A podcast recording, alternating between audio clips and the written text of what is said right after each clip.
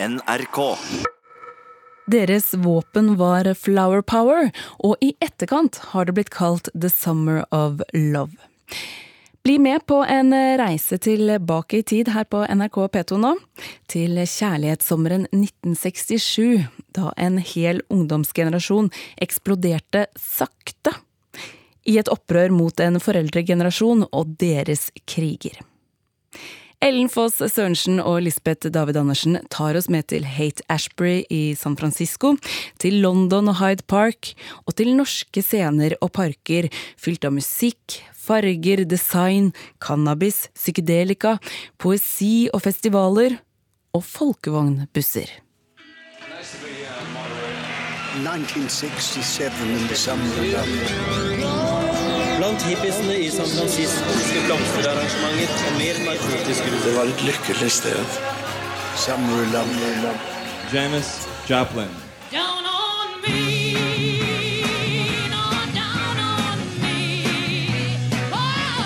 Sommeren 1967 vil for all tid være The Summer of Love. Kjærlighetssommeren. Og i løpet av få måneder bølget et ungdommelig inferno av farger, musikk og eksperimentell dop fra California og utover en hel vestlig verden. The Beatles skapte historie med Sgt. Peppers Lonely Hearts Club Band. Mens artister som Jimmy Hendrix Experience, Pink Floyd, The Grateful Dead, The Doors, The Velvet Underground og Buffalo Springfield debuterte. musikkmagasinet The Rolling Stone kom med sin aller første utgave. Samtidig som britiske piratradioer sendte listepop fra skip etter at de var jaget til sjøs av myndighetene.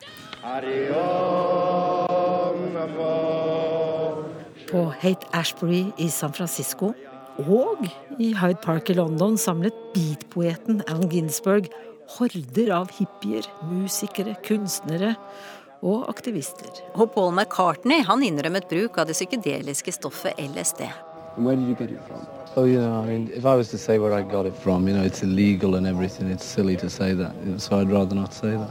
Og Mick Jagger og Keith Richard tilbrakte natt i fengsel, også etter å ha blitt tatt for bruk av narkotika. P-pillen åpnet for alternative samlivsformer og styrket kampen for likestilling.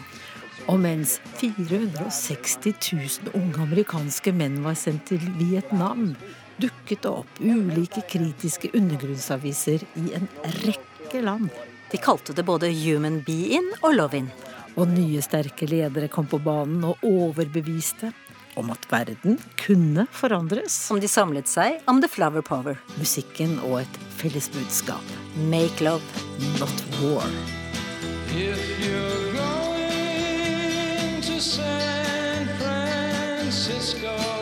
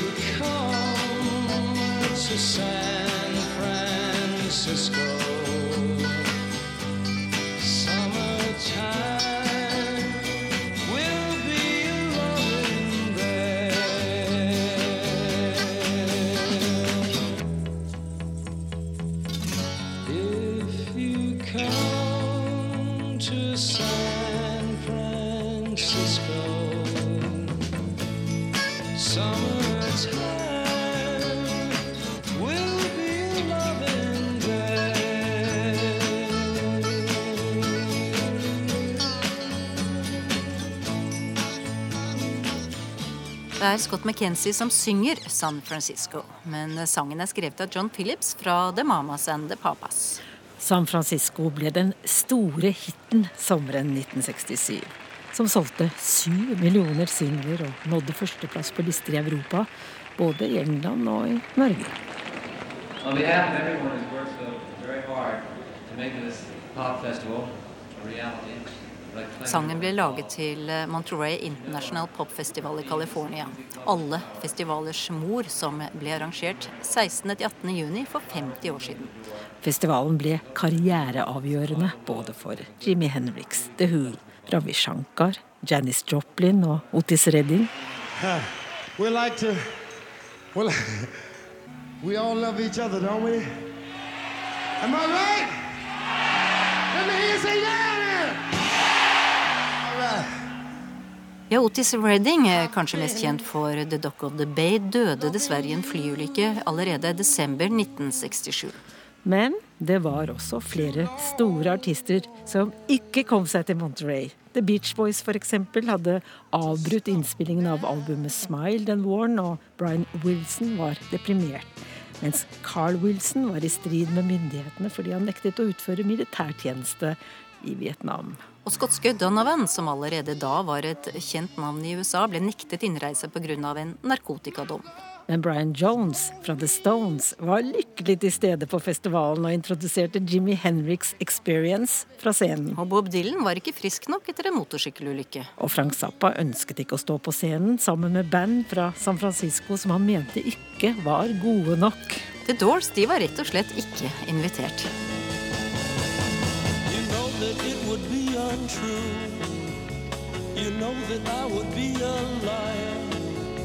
En eh, ung nordmann hadde flyttet til eh, California på denne tiden og skaffet seg jobb i studio i Los Angeles og fått oppdraget med å mikse selveste San Francisco og opptakene fra hele Monterey-festivalen. Mannen er produsent og lydtekniker Eirik Wangberg.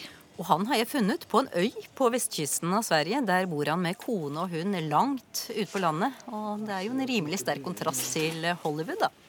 Hadde han tatt med seg noen eh, synlige minner fra sommeren 1967? Ja, det hadde han. Huset hans er fylt med scrapbøker, og veggene er dekket av bilder og historier fra hans tid som lydtekniker, mikser og produsent i USA.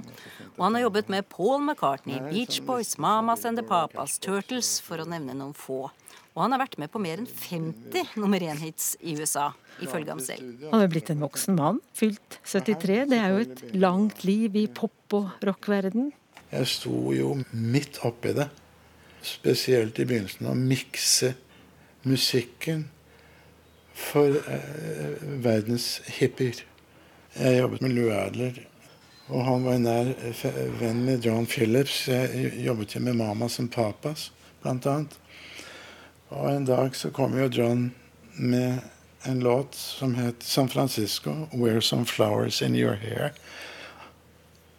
Og det var ment å være liksom den innledende musikken til det som skulle skje med Flower Power og hippies. Og det ble det. Den gikk verden over som en farse. Og den, den mikset jeg, vet du. Og det, det gjør inntrykk av mine hender og følelser og ører og, og alt det jeg gir av meg selv når jeg skal eh, lage musikk til plate. Du vet, jeg, jeg river jo alt ut av meg sjøl for å Jeg blottlegger alt som er, og jeg vil at det skal være tidløst. Jeg vil at det skal gå hjem i hjertene på folk. Og jeg vil fremheve musikernes beste talenter og sangerne. Så, så du vet, jeg stod opp og så svetta renner. Vi hadde jo ikke noen datamaskiner på den tiden, så alt var fysisk. Så sånn var det jeg sto på. Og den, den, det var jo bare begynnelsen.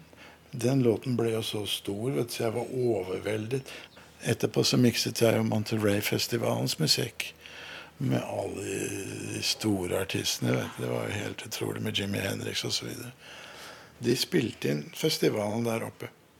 Og Lou Adler han tok med seg tapene etterpå eh, til studio i Hollywood, der jeg jobbet. Så sa han Erik, vær så god, miks dette. Det er din jobb. Jeg går. Vi snakkes om et par uker. så der satt jeg alene med Jimmy Henriks musikk og The Who og Simon Garfunkel, og Papa, alle disse artistene og innspillingene deres. Og skulle liksom prøve å få en fasong på dette, så det kunne bli plate ut av det. Det var vel ikke bare bra kvalitet på alt? Det var det ikke. For det, dette var ganske så nyttig å spille inn en festival, spesielt når folk eh, er fulle på drugs og alkohol og alt annet. Tusen på tusener av folk som står og huier og skriker. og Ledninger tråkkes på, og forsterkere faller i gulvet, og mikrofoner likeså. Så det var det spraket, og det var så mye greier. Så begynner så når jeg lyttet til dette, så sa jeg dette her kan ikke, det kan ikke bli noen plate, for det er bare altfor mye støy og bråk og, og, så videre. Heldigvis hadde jeg gjennom årene blitt veldig flink på å redigere og, og nappe ut disse her eh, ulydene. Og klippe sammen takter av musikk. Jeg kunne alt det der, vet du. Så, men det tok tid, altså. Og, og, så jeg rensket opp disse tapene eh, før jeg kunne mikse.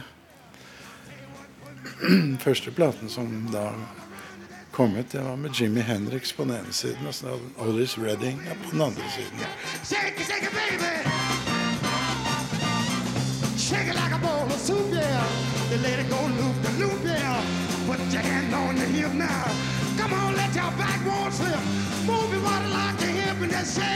Lord have mercy, shake. Earlier in the morning, shake. Late in the evening.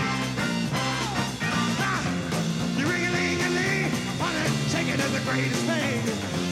But if you really roll, God's doing the thing with soul. Take a with all your might now. Alle som opplevde eh, 67 eh, sitter igjen med en visjon av livet som ikke kan sammenlignes med noe annet. Det var en veldig lykkelig tid på en måte, vet du, fordi at alle, alle var så glad, frigjort, og musikken var glad, selv om det var alvorlige undertoner med Vietnamkrigen. Eh, Demonstrasjonslåtene og togene og LSD, eksperimentering med drugs. Det, altså, det var en fantastisk eh, energirik periode. Hate Ashbury var på en måte det første uttrykket eh, sosialt sett. Det var et lykkelig sted hvor folk eh, De bare kastet alle de gamle klærne, de lot håret vokse. Kvinnene kastet bh-en, ikke sant?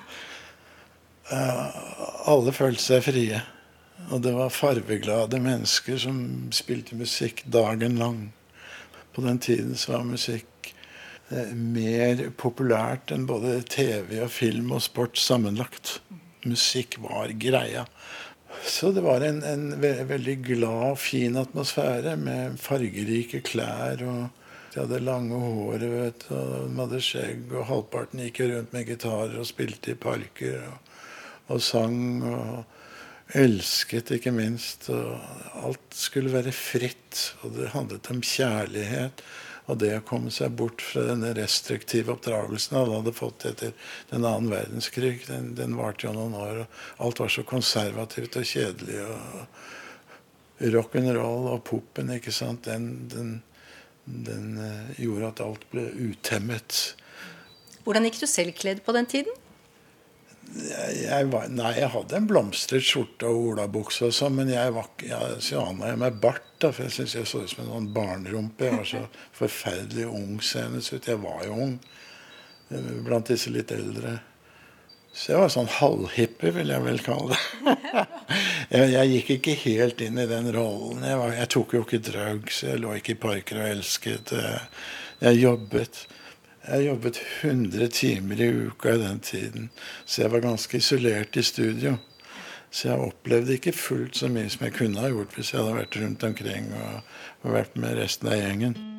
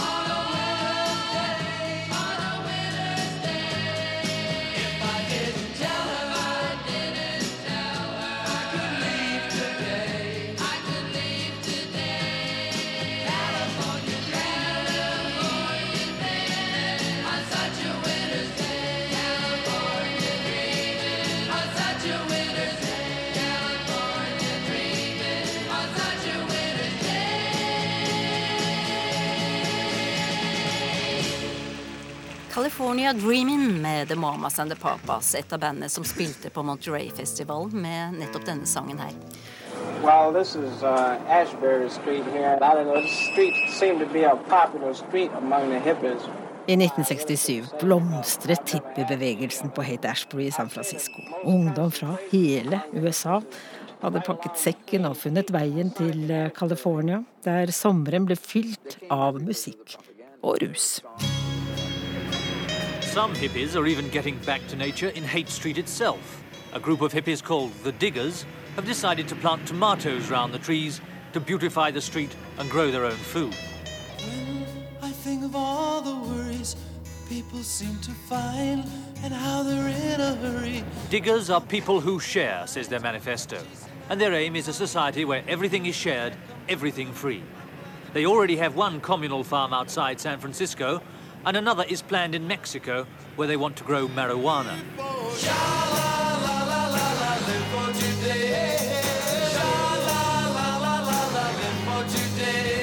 Most days they provide free food to hungry hippies in Panhandle Park. It's usually leftovers and handouts from local shopkeepers. I'm glad that we are different. We've better things to do. May others plan their future. I'm busy loving you. Besides free food, the diggers have tried to set up communal houses where newly arrived hippies can be taken in. But the city government have closed down overcrowded digger dwellings, and they can't cope with the growing numbers of hippie immigrants. The diggers' emphasis on love and their deliberate naivety are typical of the whole hippie movement. We were never meant to worry the way that people do. Love is their gospel, and they're even hoping to change Hate Street's name to Love Street. Love is everywhere, stimulated and heightened by doses of LSD, which create a climate of happiness and fellow feeling. Baby. Hippies are colourful and filmable, and the tourists are flocking to Haight Ashbury, forsaking even the city's topless nightclubs for the hippies' street show. Like San Francisco locals, Many of the visitors are amazed that these mostly middle class, well educated Americans, many of them living on money sent from home, should choose to drop out of the most affluent society in the world to create their own love ghetto. Den myke kulturrevolusjonen i California spredde seg fort til andre amerikanske byer og stater. Vel, faktum er at bevegelsen, musikken, demonstrasjonene, likestillingskampen var allerede godt i gang. Både i USA og i Europa da den eh, nådde dette høydedraget over Golden Gate Bridge i klimavennlige San Francisco. I London kom Europas første undergrunnsavis International Times ut oktober 1966. Og utgivelsen, som var støttet økonomisk av både Paul McCartney og Alan Ginsberg, ble feiret i The Roundhouse. The Roundhouse er et nedlagt jernbaneverksted og lokomotivgarasje i bydelen Chalk Farm. Gruppene Soft Machine og Pink Floyd spilte i et sprengfullt lokale, der publikum kom i spektakulære kostymer og masker, med paljetter og glitter. Og de som var der, de slo fast at det var her det startet. Det er nå det begynner. Audun Eng er jurist og tidligere redaktør for Gateavisa. Han var ung, men hadde allerede deltatt på musikkfestivaler inspirert av Monterey. Og Audun Eng, hva var det som utlyste det vi kaller The Summer of Love? En veldig viktig faktor var Vietnamkrigen og eh, innkallingen av amerikanske unge menn til eh, militærtjeneste i Vietnam. Det skapte et voldsomt engasjement. Samtidig så hadde man arven fra 50-tallets beat-generasjon. Det var jo poeter, eh, jazzmusikere, og de var veldig inspirert av Japan og India og Kina og eh, av svart kultur. Og de, de skapte en eh, kulturrevolusjon som ikke nådde så veldig mange, men som faktisk midt på 60-tallet gled over i hippiebevegelsen. Hvorfor valgte denne etter hvert enorme gruppen av eh, unge mennesker som eh, kom fra hele USA, hvorfor valgte de seg California? California var jo et slags eh, drømmested man kunne dra for å skape seg et nytt liv. Og man skal være klar over at San Francisco hadde lenge vært et fristed for eh, alternativ tenkning. Eh, Det startet allerede på 1800-tallet. Man hadde bevegelser som du kan sammenligne med Kristiania-bohemen i, i Oslo.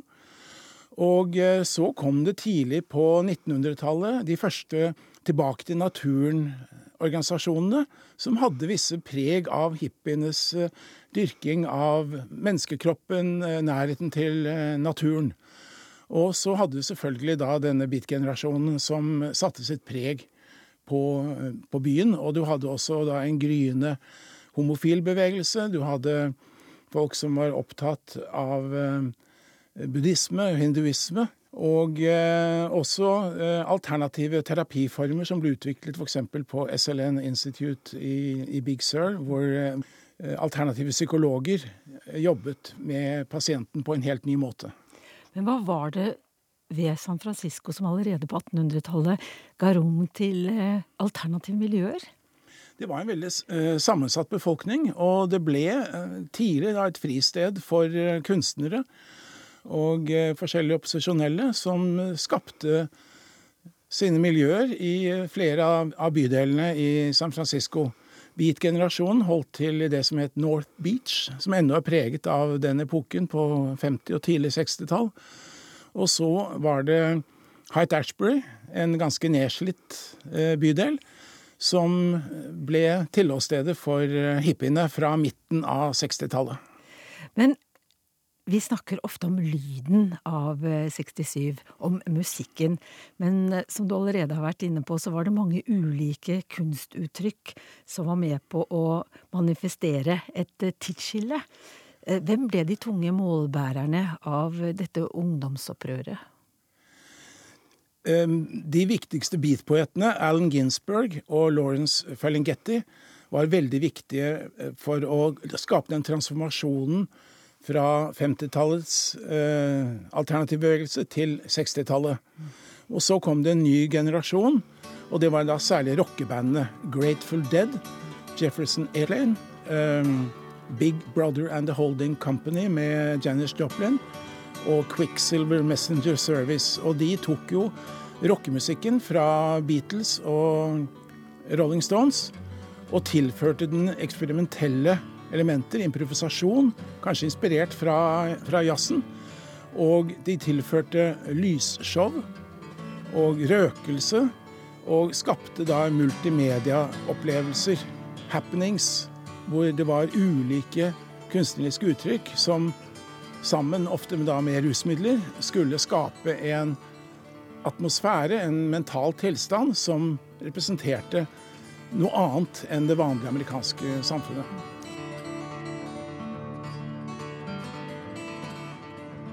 Men når du vandrer gjennom Haith Ashbury i dag, så, så ser du jo restene etter eh, både pop-art og plakatkunst. Eh, hvor viktig ble de, dette billedkunstuttrykket? Ja, plakatkunsten ble veldig viktig, særlig for eh, alle konsertene. Fordi det var en eh, gruppe med utrolig kreative kunstnere som lagde plakater. Og igjen så du hvordan skriften og bildene eh, blandet seg, slik at du av og til kunne faktisk ikke lese hva som sto, hvor og når konserten skulle være. Men plakatene klarte å uttrykke budskapet i musikken ved disse psykedeliske virkemidlene, hvor farger og former glir over hverandre, og du legger inn elementer fra historie, fra Asia, fra Afrika, fra amerikanske indianere, og på den måten skaper en ny visuell virkelighet. Audun Eng, i, i 1967 så, og tiden før, så, så, skjer det en slags åndelig oppvåkning eh, og en eh, opplevelse av et sterkt fellesskap.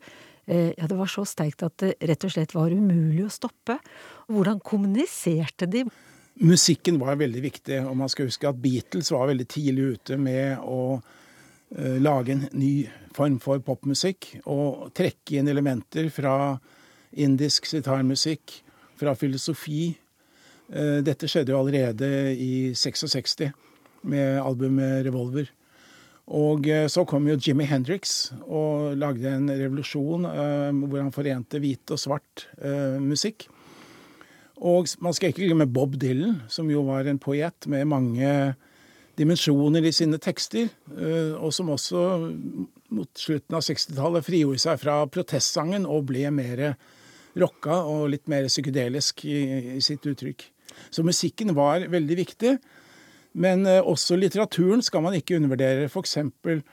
den store beat-romanen 'On the Road', som eh, ble lest av unge mennesker over hele USA. Den drømmen om å legge ut og utforske verden. Komme vekk fra foreldrenes forstadsvilla og oppleve noe helt annet.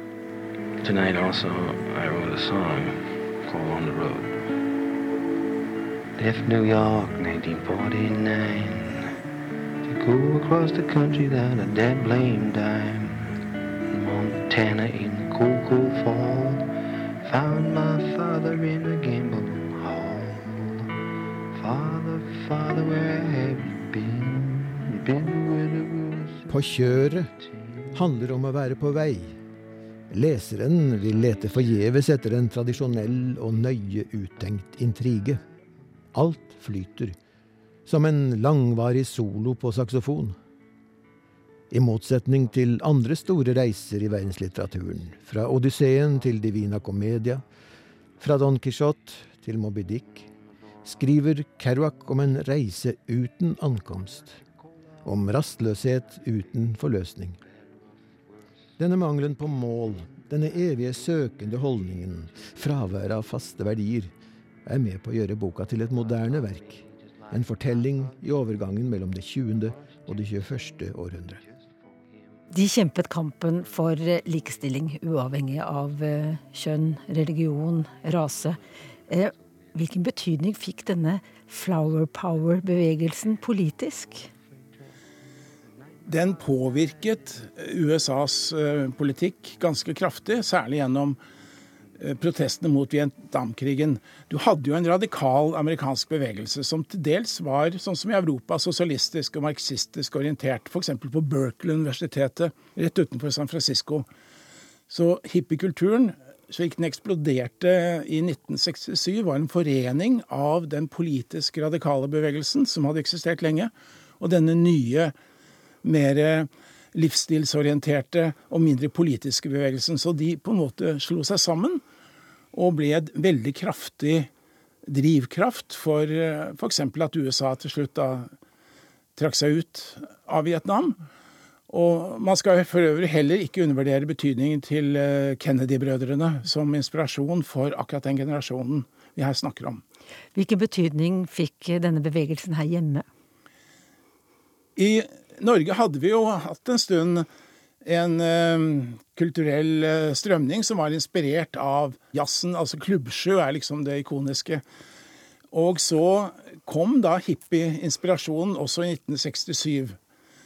Eh, Det var jo da eh, albumene med Grateful Dead og Janis Joplin osv., og, så videre, og det var Pink Floyd, ikke minst. Slik at det var et lite skisma på Klubbsju omkring 1967 mellom jazzfolket med alpelune og eh, eh, de mer rocka, langhårete som likte da den eh, mer, litt mer psykedeliske rockemusikken. Men du, hadde vi fått denne bevegelsen uten de psykedeliske stoffene?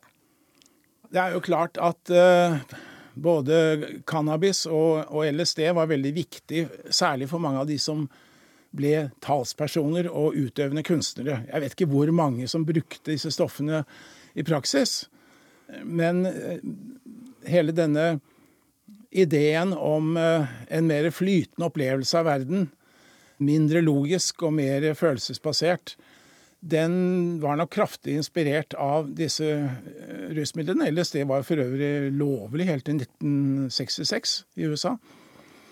Og uh, uansett om man brukte det eller ikke selv, så tror jeg veldig mange var påvirket av den mentaliteten som rusmidlene hadde skapt hos musikere og, kunstnere. Du har allerede vært eh, innom det, men Make love, not war ble et slags mantra. Men det lå også mye aggresjon mot en foreldregenerasjon som hadde ansvaret for ikke bare én, men flere kriger. Hvor sentral var Vietnamkrigen i 1967? Den var sentral. Eh, Veldig mange har jo sett musicalen Hair. Og den er faktisk inspirert av den første store hippiefestivalen. The Human Be-In i Golden Gate Park i januar 1967. Forfatteren av Hair var til stede, og allerede i oktober samme år hadde Hair premiere off-Broadway i, i New York. Og der har vi jo forent antikrigsbudskapet med alternativet, som altså er den, de nye idealene om et mer harmonisk og kjærlighetspreget liv. Du, Hvor lett er det å idealisere denne tiden? For den, den skapte jo mange skjebner også. Det var jo mange som falt utenfor.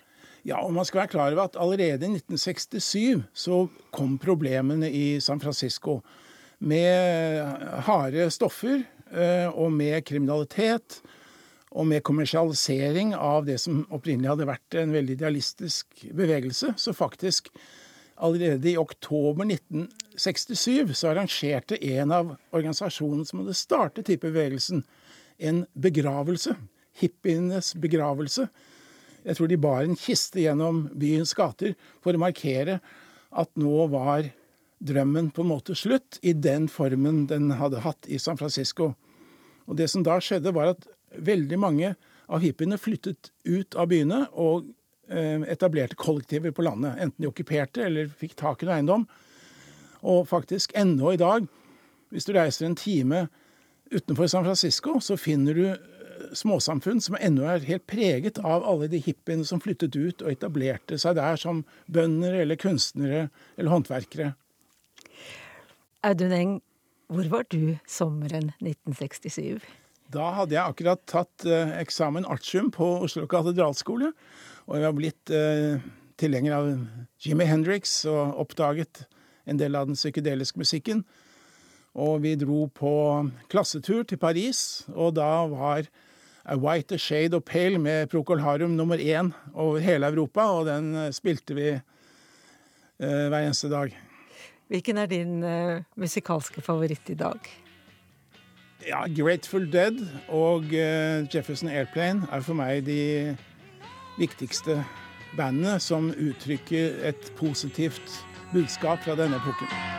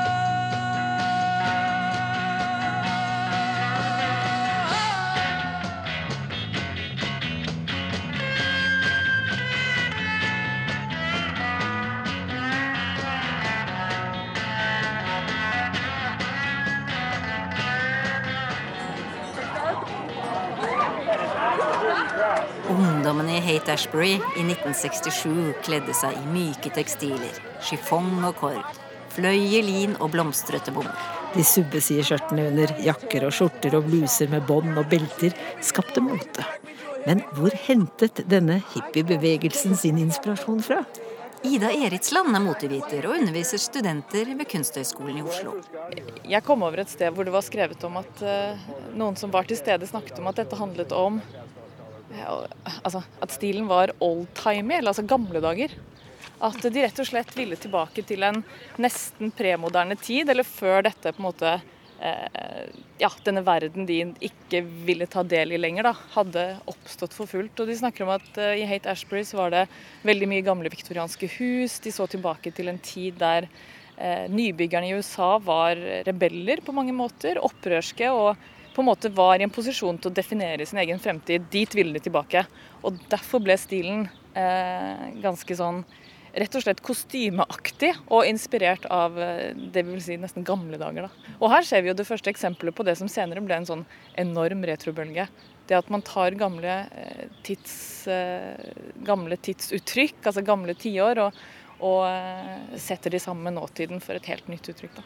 Så de så nok eh, på seg selv som ganske beslektet også til de tidlige amerikanerne som kom, og, og som på en måte eh, sto fritt til å på et eller annet vis bygge landet, selv om ja, det var mye historie som, som ikke de var enig i der òg, men de så vel dette som en mulighet til å omskrive historien eh, på et eller annet vis.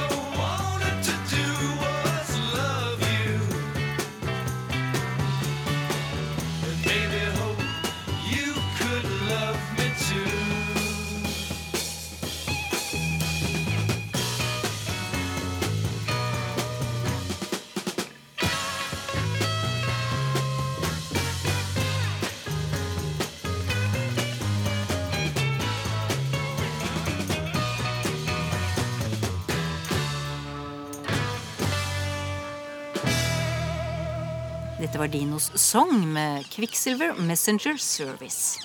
Og der, det bildet der nede, der er Beatles og Cool Cats i samme rom. Vi lager våre demoer. Så skal vi tilbake til svenskekysten og Eirik Wangberg. Lydtekniker og musiker som bygget Norges første elektriske bass for å kunne bli en del av gruppen Cool Cats på slutten av 50-tallet. Eirik Wangberg fulgte drømmen, dro til USA, ble lydtekniker og havnet i Sound Recorders studio. Nå hadde jeg nettopp kommet til Hollywood i eh, begynnelsen av 1967. Og nå snakker vi om The Summer of Love i 67. Så jeg var ganske fersk. Jeg hadde nettopp fått uh, stilling som eh, lydingeniør i Sound Recorder Studio, som ligger rett ved siden av Capitol Records, det tårnet som man kanskje kjenner til. Og der var det Armin Steiner som ansatte meg. En, han var vel kanskje en av Amerikas dyktigste eh, engineers der borte. Så det var han og meg som i flere år satt i det studioet og lagde en rekke eh, hits. Jeg hadde vært en platesamler siden jeg var tolv år gammel, så jeg kjente til eh, musikk og lyttet til Radio Lux og alt dette her, og spilte selv musikk og, og sånn. Men så det, det var musikken som opptok meg. Jeg var ikke så imponert over alle disse storhetene som jeg fikk rundt meg, for det hele tiden var, var faget som, eh, som jeg var opptatt av. da. Du vet, Da spiller det ikke noen rolle om det det er naboen som synger, eller Paul McCartney står foran deg egentlig. For det handler om musikken, ikke sant. Så, men det var jo et trivelig miljø. Jeg trivdes fordi at jeg, jeg syntes at jeg visste nok om det. Jeg syntes jeg fortjente det, og jeg, jeg følte sterkt at jeg kunne bidra til, eh, til popmusikkens verden. Hvordan var miljøet? Ja, Man eksperimenterte i alle bauger og kanter. Alt man kunne gjøre annerledes eller skape magi om. Det er et nøkkelord magi.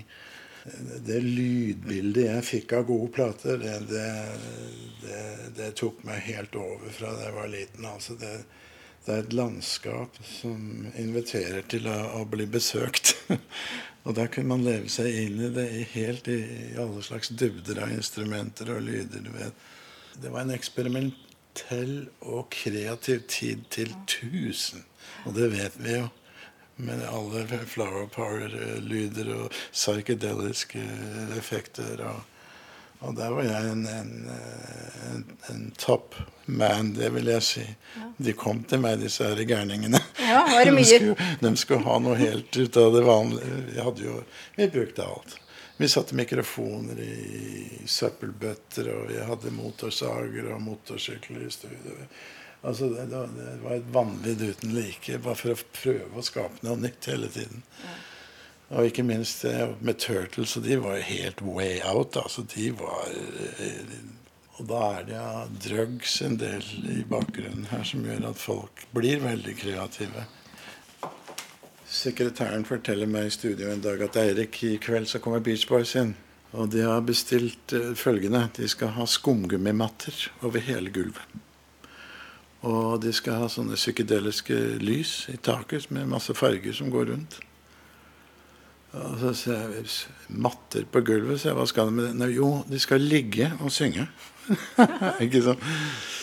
Nei, og gutta kommer, de. Og, og vi legger ned først et sånt click track, som vi kaller det. Det er sånn tikk, tikk, tikk, sånn som er lagt inn elektronisk for at vi skal kunne holde tempo når vi legger på andre instrumenter. Og det ble gjort med noe piano og noe orgel og noe bass og et eller annet. Og så sier Brian at vi bruker ikke trommer. Jeg har en idé. La oss gå til uh, Ta en tur på Superen. Og så kjøper vi litt grønnsaker. Låten heter jo 'Vegetables'. Og da, så tar de Rolls-Roycen sin og kjører ned til Safeway og kommer hjem med sånne amerikanske bæreposer i papir vet, fulle av diverse grønnsaker. og Brian deler ut da, til medlemmene i bandet liksom, eh, forskjellige grønnsaker hva han tror kan lyde bra. Ideen er jo da at de skal stå rundt en mikrofon, og der skal de da stå og tygge i takt. Og lage et, et sånn trommeslagsinntrykk. Så sier da plutselig en sitter med, med blomkål, og den andre har en agurk. og Det er helt vilt. vet du. Der står de og tjafser og kjenker, og den må øve, da, vet du. Og så sier Brian plutselig at 'ikke svelg'! Vi har ikke tid. Takten går og går. Vi må bare spytte ut. Så her står de med alle disse forskjellige tingene og spytter ut. Det så jo ikke ut på gulvet. vet du. Nei, men, men i alle fall, det var, Man hadde jo først prøvd liggende, men det gikk jo ikke med grønnsaker. Så de prøvde jo det med sang også, men det, det, det var best å reise seg opp ja, og så stå. Vi fikk det til etter hvert, og det er på platen. På Smart-platen. Så det er litt sånn gøyal historie, vet du. Vegetables. My favorite vegetable.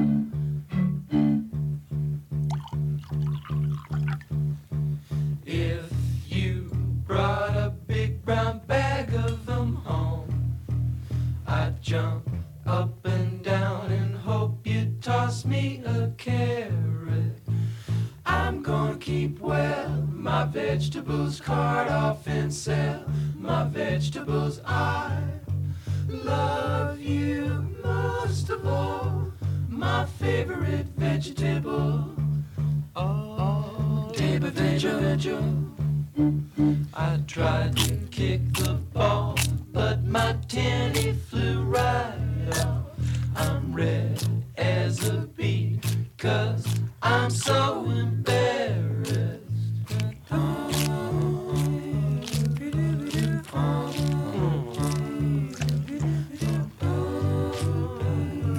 Oh, yeah.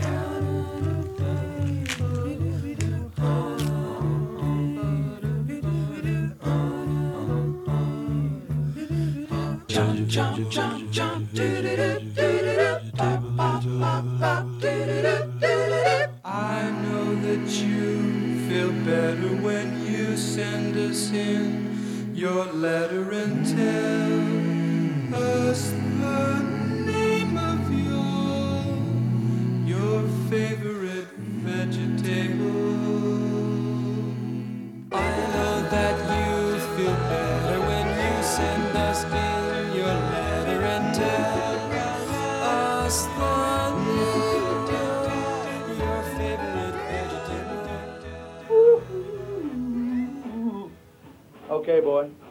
Paul McCartney here, your old friend Paul. I remember very fondly the times we had in LA when we worked on Ram together. And I must say, you did some good work. Here you go, my boy. Best wishes from me. Keep on rocking, Eric. Many Norwegian Viking days ahead. Good boy. See ya. I'm gonna be around my vegetables. Og mens jeg ho- holder på å spille inn Beach Boys, så kommer Beatles på besøk. Det er ganske heavy. De to største gruppene på jorda som konkurrerer, kommer til sammen i et rom, og der er jeg. Så det var jo litt av en opplevelse. Hvorpå Ja, det ble en god del prat, vet du. Penny Lane er på topp, og Brian skryter av Paul, og Paul skryter av Brian. Og de hadde jo en beundring for hverandre, disse. I'm gonna be round my vegetables. I'm gonna chow down my vegetables. Først så spiller vi Vegetables, eller jeg, da, for Paul og John Lennon. Det var da dette med sunn mat kom på tale. Miljø kom på tale. Hvorpå Brian Wilson lager 'Vegetables', en låt som heter det. Vi spiller den på høyttalerne og sånn, og, og, det frydet jo både Paul og John og sa hei, det er jo i tiden, og det er bra saker og sånn. Og så sier Paul hei, la meg spille dere noe. Brian, kom her ut. Kom ut. Alle sammen ut i studio. Så setter de seg på pianokrakken. Både Brian Wilson og Paul McCartney. Verdens to største komponister, uten tvil. Altså av moderne, moderne tid. Og så begynner de å spille hverandre låter vet du, og skryte liksom. 'Hei, hør på denne.' 'Nei, denne her er mye bedre', vet du. Og så, sånn gikk det frem og tilbake. Da sto jo hårene på armen. altså dette, Da fikk man frysninger. Jeg tenkte på faen, skal jeg spille inn dette? Jeg vet, jeg Gå inn og trykke på knappen. Jeg turte ikke. altså, Da hadde jeg vel fått spark. jeg turte bare ikke, altså. Men det var en opplevelse. uten... Og den der eh, seansen der, den har jo pågått i alle tider. En diskusjon om det er sant eller ikke. At, om det skjedde eller ikke. Hvis du går inn på liksom ekspertenes sider på internett og leser om Paul McCartney og alt. Nei da, det skjedde ikke. Det er usant. Det er bare kan ikke være- sant? Men jeg har jo Så når jeg skrev selvbiografien min her, så så tenkte jeg nei, jeg må jo bevise dette at det er sant. Så jeg kontaktet da Van Dyke Parks, en god venn av meg, som da skrev tekstene til Beach Boys. Og han var jo i studio på den tiden. Han skrev jo tekster til Smile, blant annet. Og han bakker meg jo opp 1000 Selvfølgelig skjedde det. Erik, jeg var jo der. ikke sant? Så og da er jo alt greit. Så sånn er det. Penny Lane, there is a barber showing photographs of every head he's had